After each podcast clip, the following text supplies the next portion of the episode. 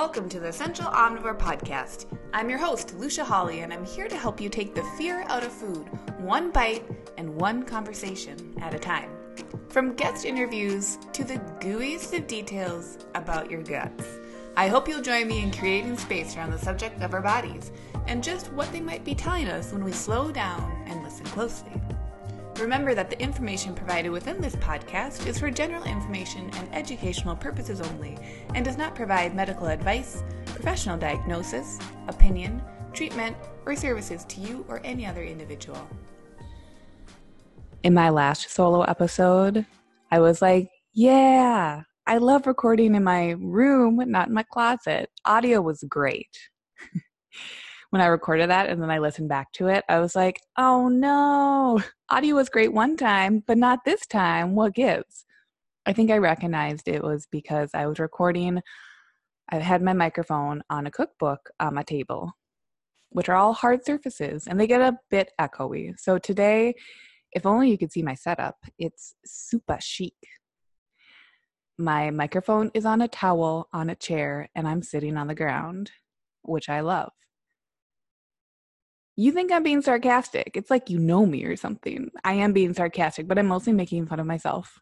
It's um my favorite way of having an inside joke with myself is making fun of myself.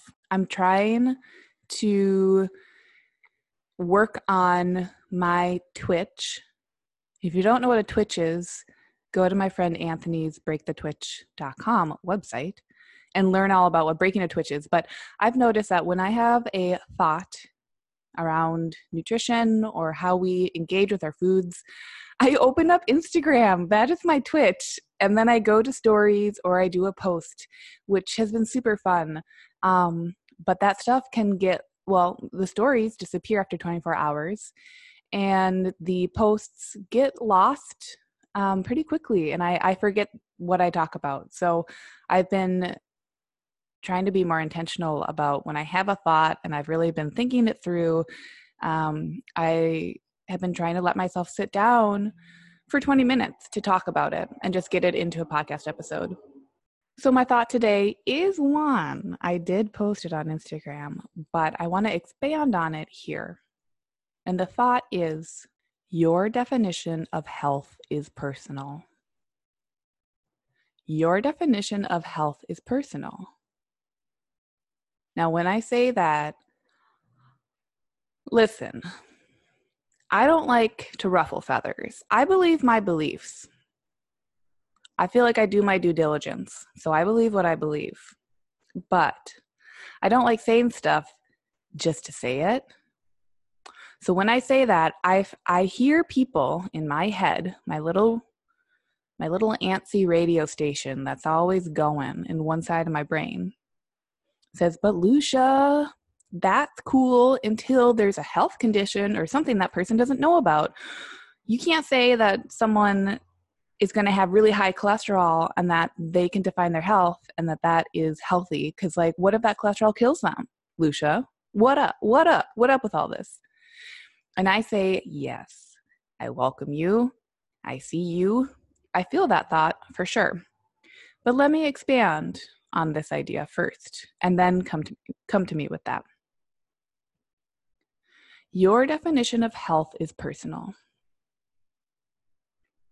If it is anything but personal, then perhaps the irony is is that that is no longer your definition of health. And I mean this twofold. One, when you are taking a look at your health or you're thinking about it or you're not taking a look at it, you're not thinking about it, those are all incredibly personal choices. You do not have to explain yourself to anyone. You do not have to explain why you eat vegetables. You do not have to explain why you do not eat vegetables. You do not have to explain why you care and you do not have to explain why you don't give a shit. All of this is a subject that in our fast paced social media world,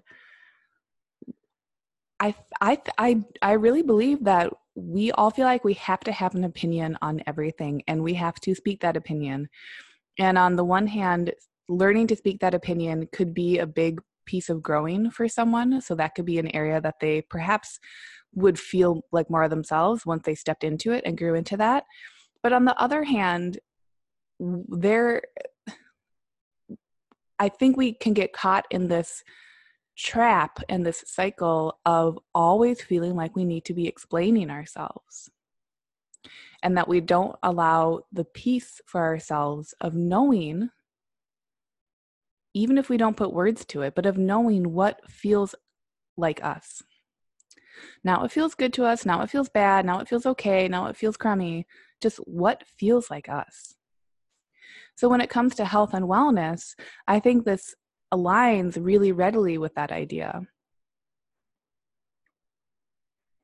The idea that we, so many of us, are searching for and grasping for a, a better, a better feeling of health, which I would argue is what we're looking for is more alignment in our health, more alignment in ourselves. Because there is not going to be one single answer for anyone, for anyone. There could be general inferences, there could be general trends that help support people moving towards a general goal that they might share with other people. But squeaky clean, hyper paleo, and working out, high intensity interval training, or metabolic conditioning, or different types of lifting every day of the week and doing that all day, every day, while working very stressful jobs and without ever cutting yourself some slack or a break, that could be your definition of health. And I argue that that could be the most unhealthy thing for someone at the same time that there can be multiple truths that we all hold. And that for someone, working on being able to eat bread could be the healthiest act.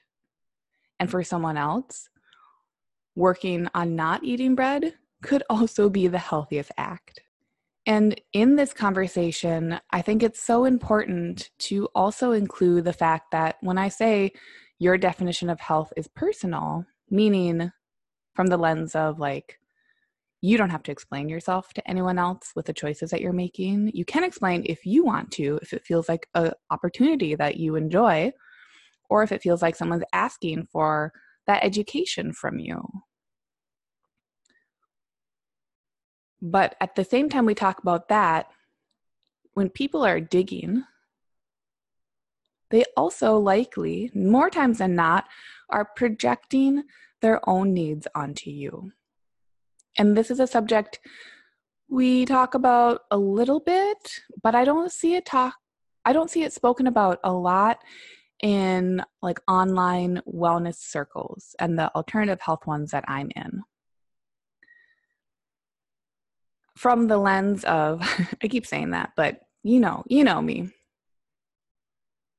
From the scope of recognizing like we talk about it being like listen if someone talks to you about what's on your plate tell them like i you know hands to yourself eyes on your own plate. Like you get to set that boundary and that's important for you to flex that muscle and it's important for them to learn that not every answer that they have or not every question they have is going to be answered by you and that they need to set their own boundaries. But I think it can actually, we can create more community by recognizing when people are projecting onto us. And yes, we can set our own boundaries so that that isn't, we aren't taking on their energy and doing emotional labor for them.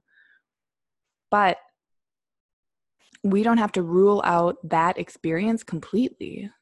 There is so much to learn from that. When someone is projecting onto you, and when someone is projecting onto you consistently, I think that is a really beautiful invitation into their psyche. And I think it can create more community, even though you're not doing more emotional labor, right? Like once there's that conceptualization that we understand what a projection is, that someone is putting their own lived experiences or their own fears or excitement or whatever, and they're placing it onto you, once we understand that that occurs, and my God, that occurs so much, then we can also recognize well, why is that occurring? And we don't have to figure that person out or that community out or that situation, right? It doesn't have to it doesn't always have to be one person to another person. But it to me it creates this sense of awareness that I find really integral because it helps us become aware of what sure what we project onto others, but yo, we can project onto ourselves. And when we can recognize that someone is projecting onto us and we don't have to hate them for it, we don't have to judge them for it, and we can hold the space where it feels completely icky that they're doing that to us, and we can still recognize that that is for them and not for us. I think that creates a lot of space for us to do the same thing within ourselves for ourselves. What are you projecting onto yourself that is not actually your story? What is in your psyche that you project onto other people? We grow up, all of us, with different narratives. And I really find that those narratives, in many ways, were at one point adaptive we grew up with a story, we grew up with a way of being that has gotten us to the present. So, in some regards, it must have worked in some way. But if it feels like something that is a stumbling block uh, that we keep coming back to, or we keep having characters that show up in our lives that repeat these different themes, or we keep saying things to ourselves and we're not getting where we say we want to go, it's a really cool invitation to start to dig in a little bit more and say, okay, is it me or is it my narrative? Is it them or is it their narrative? Is it us or is it our narrative? So, this week, I invite you to think about the different narratives in our health and wellness spaces positive, negative, or neutral. No judgment. But what are the narratives? What are you being told? And does that truly fit in with a definition of your wellness? And you don't have to go and proclaim what that is, right? That's the whole point of this is saying your definition of health is personal. So if there's a paradigm that you've tried out, if there's a structure that you've tried out, how did it go? What did it feel like? Why do you think it felt that way? And where do you want to go with it? That is uniquely up to you. And that's a very beautiful thing. Hey, thanks so much for joining along on today's episode. For full archives of past episodes, hop on over to essentialomnivore.com or subscribe to the Essential Omnivore podcast on Apple Podcasts or Stitcher.